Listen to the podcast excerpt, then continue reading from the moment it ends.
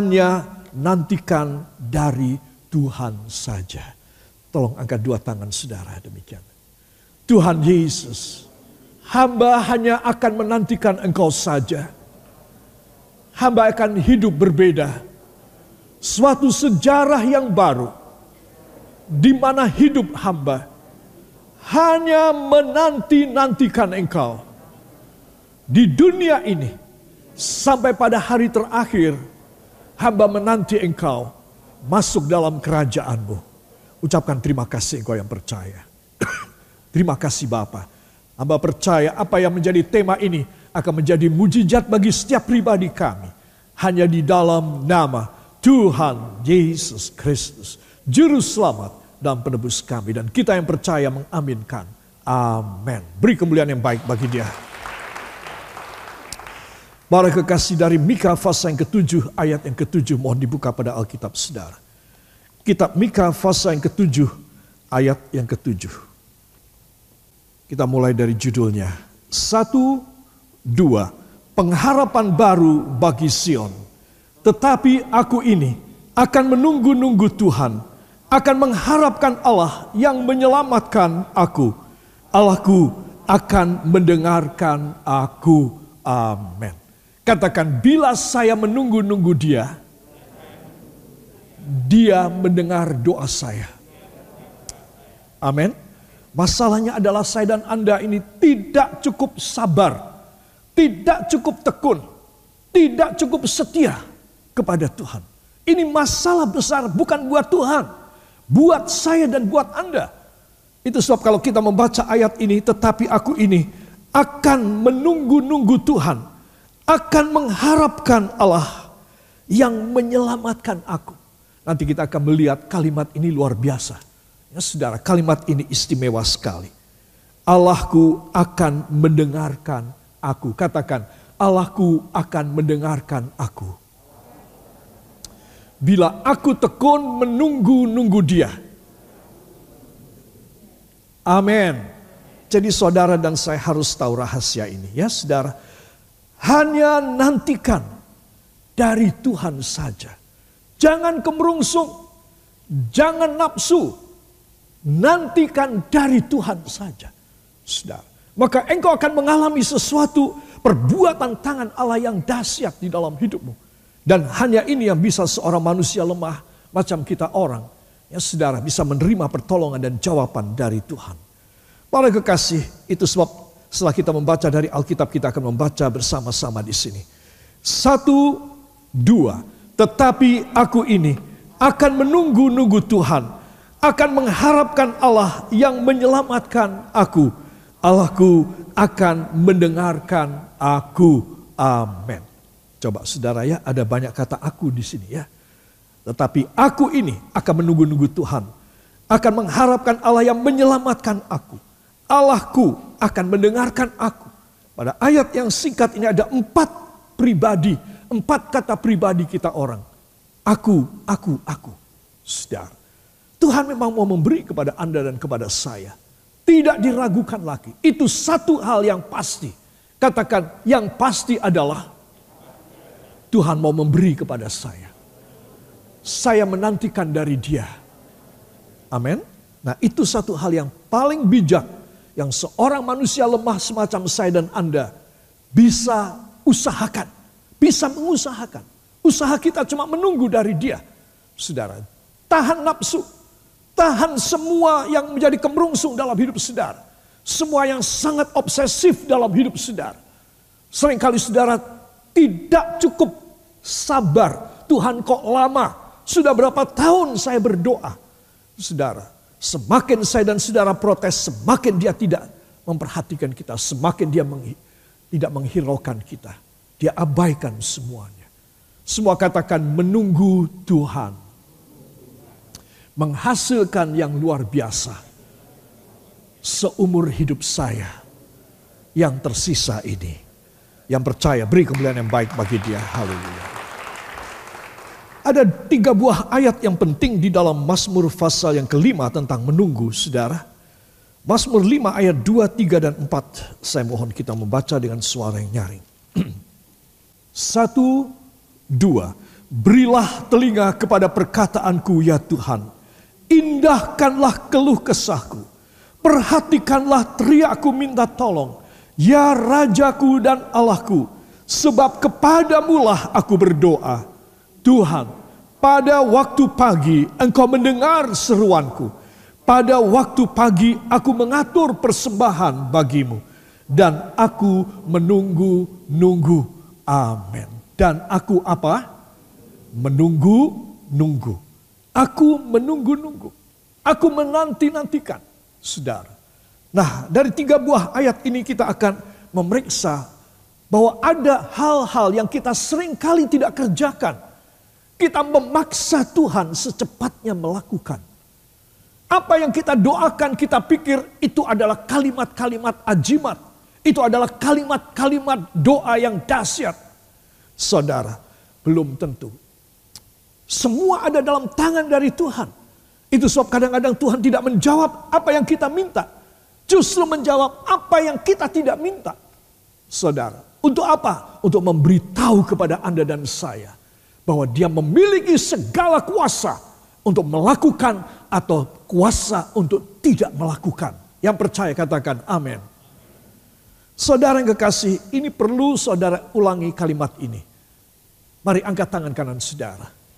Saya percaya bahwa di dalam tangan Tuhan ada kuasa untuk melakukan apa yang saya mohon dan ada kuasa untuk tidak melakukan yang saya mohon dalam nama Yesus. Saya menunggu-nunggu dia.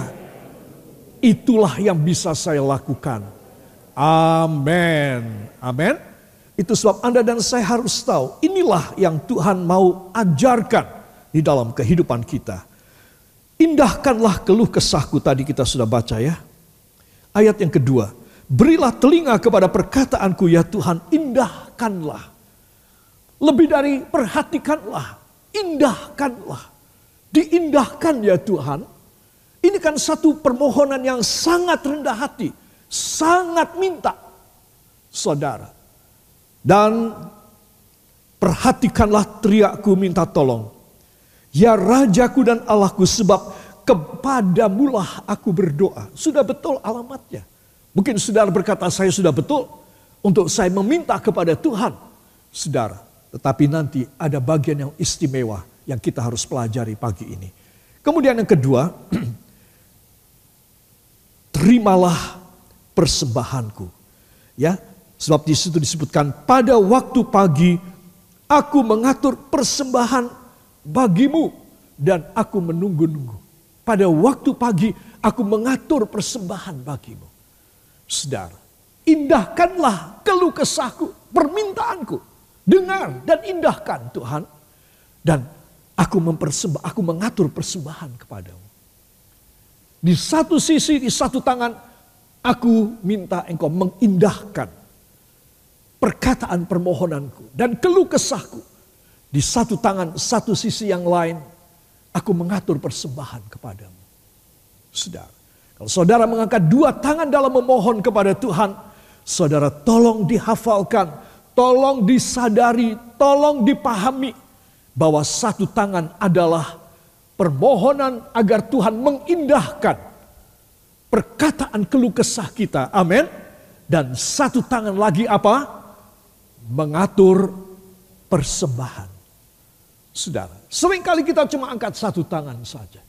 Dan satu tangan kita tidak aktif, tidak beroperasional Saudara, itu sebab sering kali kita tidak mengalami jawaban. Walaupun kita dengan air mata kita minta, indahkanlah keluh kesahku Tuhan. Tolong kasih pendengaranmu kepada permohonanku. Sekalipun para kekasih. Karena satu usaha yang Tuhan ingin kita lakukan, kita lumpuh, kita tidak bisa melakukannya. Kita cuma ini saja. Saudara, itu sebab Anda dan saya harus tahu. Dua hal ini baru sampai ke takhta hadirat Tuhan. Amin. Apa yang pertama tadi? Indahkanlah keluh kesahku. Permohonan.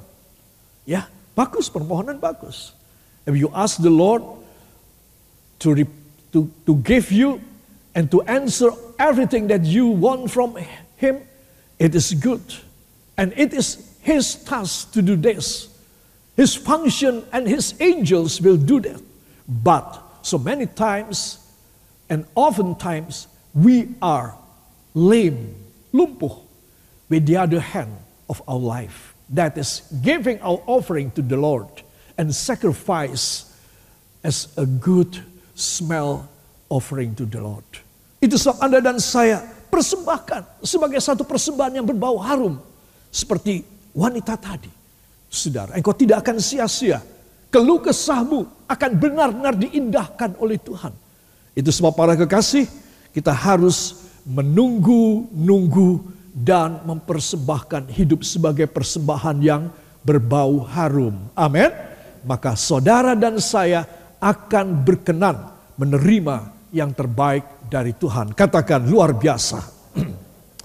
Para kekasih, di sini saya ingin mengajak saudara mendalami ayat 4 dari Mazmur pasal 5. Ya, kita baca satu kali lagi. Satu, dua. Tuhan, pada waktu pagi engkau mendengar seruanku. Pada waktu pagi aku mengatur persembahan bagimu. Dan aku menunggu-nunggu. Jadi apa maksudnya menunggu setelah kita memohon keluh kesah kita kepadanya, persembahkan itu doa kita. Dan setelah kita mempersembahkan dan mengatur persembahan kita kepada Tuhan. Maka kita boleh menunggu-nunggu. Amin. Jadi syarat itu harus saya dan saudara ketahui. Berhubungan dengan ini, di dalam Mika pasal 7 ayat 7 nanti kita akan melihat hubungannya apa. Saya akan mengulik bersama Anda Mazmur 4 ayat Mazmur 5 ayat yang keempat tadi. Saudara ya. Di dalam Mika pasal 7 ayat 7 kita sudah baca ya. Tetapi aku ini akan menunggu-nunggu Tuhan. Akan mengharapkan Allah yang menyelamatkan aku. Allahku akan mendengarkan aku. Ya saudara. Dan ini dirinci di dalam Mazmur pasal 5 ayat 4 tadi. Saudara, mari saya ingin mengajak saudara untuk melihat Mazmur pasal 5 ayat yang keempat. Ya, bersama dengan Mika pasal 7 ayat 7. Saudara, disebutkan dalam Mika pasal 7 ayat 7 dalam Alkitab New King James disebutkan, Therefore, I will wait for the Lord. I will wait for the God of my saving health. My God will hear me. Saudara perhatikan, itu sebab aku akan menantikan Tuhan. Menantikan Tuhan. I will wait for the God of my saving health. Nah, di sini saya akan melihat lebih dalam lagi. The God of my saving health. Ya, Allah yang menyelamatkan kesehatanku. Wow. Sulit ditangkap ya saudara. Tetapi inilah yang Tuhan inginkan. Siapa dia? Saudara, bagi saudara siapa dia? Maha kuasa, itu dia tahu. Kita semua menganggap dia maha kuasa, dia bisa bikin apa pun. Dia menyembuhkan, dia mematikan, dia memberkati, dia membuat orang miskin. Dia bisa berbuat segala perkara. Dia membiarkan musibah terjadi, kita dan kita mengalami crash. Tapi dia bisa menyelamatkan kita dengan luar biasa. Dia tahu bahwa kita sangat yakin bahwa dia maha kuasa. Saudara, cuma sering kali yang menjadi ganjalan dari Tuhan untuk tidak bisa melakukan kepada saya dan kepada Anda adalah kita kurang mengenal dia. Kita rajin berbakti, tapi kita tidak mengerti firman. Itu satu masalah gede dalam hidup saya. Itu sebab Anda dan saya harus tahu. Ya, kalau saya dan saudara mengenal dia itu siapa, dia juru selamat. Tetapi ini satu hal, satu terminologi yang kita jarang memahami siapa dia. He is the God of my saving health. Dia adalah Allah yang menyelamatkan kesehatanku. Coba kita akan melihat hal ini ya saudara. My God will hear me. Maka orang yang menganggap dia sebagai Allah yang menyelamatkan kesehatannya maka apa yang terjadi? Tuhan akan mendengar dia. Tetapi kalau kita menganggap orang ini sayalah atau andalah menganggap Tuhan itu harus menyembuhkan aku. Maka dia bisa tidak suka menjawab. Saudara, kita harus menganggap dia sebagai the God of my saving health. Allah dari penyembuh dan Allah dari penyelamat kesehatan. Katakan Allah dari penyelamat kesehatan saya. Saudara ada dua aspek di dalam kata my saving health God. Ya saudara. Kita akan melihatnya ya. The God of my saving health. Saudara. Allah dari penyelamatan kesehatanku ada dua makna. Satu. Allah menyembuhkan aku. Ini yang kita tahu. Allah pasti menyembuhkan aku. Because he is my God of my saving health. He have the authority and power to do something so that I will be get well as soon as possible. I will be healed by his power. That's right. But not only that one. The definition of my God of saving health is there are two meanings. Hal yang kedua, apakah? Allah menyelamatkan keselamatan keselamatanku, kesehatanku pada level top. Katakan, bila yang pertama Tuhan tidak jawab, maka yang kedua lebih mulia. Dia menyelamatkan kesehatan saya dengan kematian saya. Coba saudara renungkan beberapa detik sebentar. Kalau orang berdoa minta disembuhkan lalu dia meninggal, menurut saudara apa? Tuhan menjawab atau Tuhan tidak menjawab doa saudara? Tuhan menjawab. Tuhan tetap menjawab. Tapi Tuhan menjawab dengan menggunakan dia punya atribut. I am the God of your saving health. You have to understand and you have to receive me just as what I am. Saudara, ini hal penting sekali. Seringkali kita tidak bisa dan kita mengabaikan. Jangan sampai terjadi yang kedua Tuhan. Dulu saya juga berdoa dan banyak orang membantu saya dalam doa untuk ibu gembala. Saudara, karena saya cuma mengerti satu saja. Allah menyembuhkan. Saudara, dia adalah Jehovah Rafa. Dia adalah Jehovah Rafao. Allah penyembuhku. Saudara. Tetapi saya belum terbuka dan banyak orang Kristen belum terbuka untuk definisi yang kedua. Yang disebutkan dalam Mika 7 ayat yang ketujuh. Saudara. I will wait for the God of my saving health. At the second meaning. Second definitions. Itu sebab Anda dan saya harus tahu. Apa definisi yang kedua? Arti yang kedua. Allah menyelamatkan kesehatanku karena semua peralatan, semua obat-obatan dan semua keahlian medikal di dalam dunia sudah tidak bisa menyelamatkan kesehatanku. Maka dia menyelamatkan kesehatanku. Dia mengangkat aku naik dan masuk dalam rumahnya. Amin. Ini loh. Hal yang kedua ini loh. Yang banyak orang Kristen tidak menyadari dan mungkin menyadari, mungkin tahu tapi tidak mau tahu. Saudara. Itu sebab Anda dan saya harus belajar. Kalau dia kita anggap sebagai Allah yang menyelamatkan kesehatan. Dia bukan hanya menyembuhkan. Saudara. Dia bukan hanya menyembuhkan. Saudara tahu nggak bahwa setan bisa menyembuhkan? Tahu apa tidak? Amin. Setan menyembuhkan. Setan bisa menyembuhkan. Tapi setan tidak bisa menyelamatkan masuk dalam surga. Ini perbedaan yang tak terkirakan besarnya. Jadi saudara mesti tahu, dia itu tampil sebagai the God of my saving health. Artinya apa?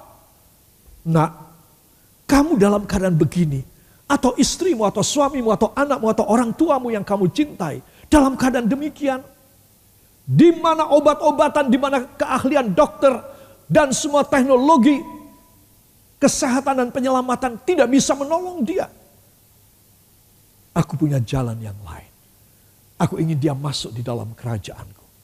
Aku menyelamatkan kesehatannya. Saudara. Jadi mulai sekarang saya dan Anda harus berubah cara berpikir yang biasa memaksa Tuhan. Saudara, supaya Tuhan menyembuhkan, supaya Tuhan ini dan itu segala macam seperti yang kita minta. Belajar menunggu-nunggu Tuhan. Artinya pasrah saja. Sekarang kalau saudara atau saya, katakan saya, saya pegawai saudara. Dan saudara berkata, Pak Roy, tunggu ya, saya nanti malam akan datang. Saudara, dan saya menunggu, ya majikan saya, saudara saya tunggu semalam tidak datang. Apakah besok saya tidak mau menunggu lagi? Kemungkinan. Saya bilang, semalam sudah aku tunggu, katanya aku suruh nunggu semalam. Sekarang sudah pagi, saya berhenti menunggu dia. Tiba-tiba dia datang. Saudara, itulah saya, itulah Anda sebagai manusia. Tetapi saudara mesti tahu yang Tuhan minta adalah menunggu sampai benar-benar dia datang dalam hidup saudara. Bukan nunggu sampai tidak malam lagi. Setelah tidak malam tidak usah ditunggu. Itu kan salah kaprah. Pengertian saya terlalu bodoh, terlalu kanak-kanak. Kata menunggu adalah sampai kapan dia datang. Katakan bila saya disuruh menunggu, saya menantikan dia sampai dia datang. Sampai dia menjawab, sampai dia bertindak dalam nama Yesus. Amin. Itulah. Itu sebab sering kali saya dan saudara tidak mengerti arti yang kedua ini. Tuhan membuka pikiran saya tadi malam dan memberitahu kepada saya, mulai sekarang kamu tidak boleh demikian. Kalau sekarang ada orang sakit, dalam keadaan yang serius, maka saya akan berdoa untuk dua hal. Sembuhkan atau Tuhan, biar kehendakmu yang jadi. Biar cepat. Dia terlalu menderita lama. Engkau tidak berperi kemanusiaan. Doakan supaya dia. Kalau memang sudah kehendak Tuhan cepat berjalan. Cepat pulang ke rumah Bapa. Saudara. Karena dia Allah adalah the God of your saving health. Dia adalah Allah yang bisa menyelamatkan kesehatanmu. Sampai dibawa engkau dalam keadaan yang luar biasa. Diperbaharui, diciptakan ulang. Serupa dengan dia. Hebat sekali. Kita ngotot minta yang pertama. Saudara. Tapi kalau dia tidak berkenan. Itu sebab tunggulah apa kehendak dari Tuhan. Amin. Amin. Bisa demikian? Saudara harus, kita harus berusaha kalau sakit harus diobatin. Ya, harus ini itu segala macam. Tetapi kalau saudara tahu bahwa itu semua bahwa itu semua tidak berhasil. It doesn't work at all. Sama sekali tidak menghasilkan apa-apa. Then you have to surrender. Oh Lord, you are the God of my saving health. Selamatkan kesehatan biar aku masuk dalam kerajaan. Tuhan ingin saving his health or saving her health. That's why he have the right and authority to taking care and receive up in his glorious kingdom in heaven. Itu sebab Anda dan saya harus mengerti rahasia firman. Supaya kita sendiri mempunyai hati yang penuh dengan ucapan syukur kepada Tuhan. Tuhan dalam semua keadaan. Engkau berkuasa, engkau memegang otoritas. Aku cuma menunggu-nunggu engkau saja.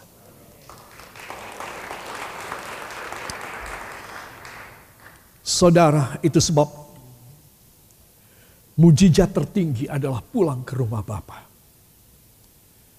Jangan memaksakan. Mujizat tertinggi adalah pulang ke rumah Bapa. Saudara. Karena dia adalah the God of your saving health. At any cases of illness, sicknesses, and diseases that the world and the doctors know already. Jadi dia punya kuasa di atas semua penyakit-penyakit di dunia yang dokter dan teknologi mengerti dan tahu. Dia adalah the God of your saving health. Kalau dia kita kita tunggu dia, maka dia akan datang kepada kita dan kita akan dilepaskan oleh dia. Itu sebab mujizat yang tertinggi dari seorang yang mendoakan orang sakit adalah bila dia diangkat, diterima ke atas.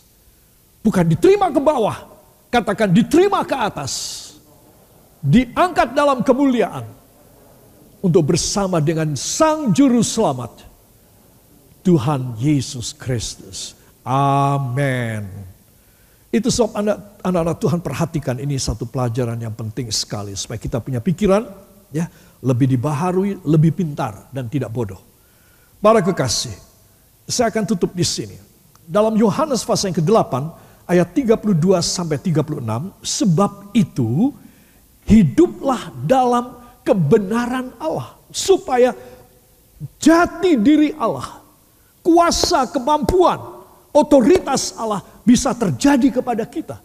Tapi kalau saya tidak hidup dalam kebenaran Allah, saudara tidak hidup dalam kebenaran Allah, apa yang terjadi? Kemampuan, otoritas, dan hak Allah tidak terjadi sama kita.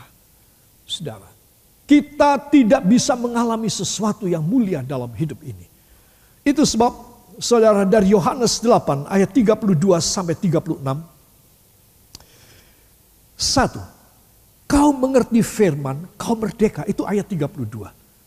Ya, coba kita akan buka bersama dalam Yohanes pasal yang ke-8. Yohanes pasal yang ke-8, para kekasih ayat yang ke-32.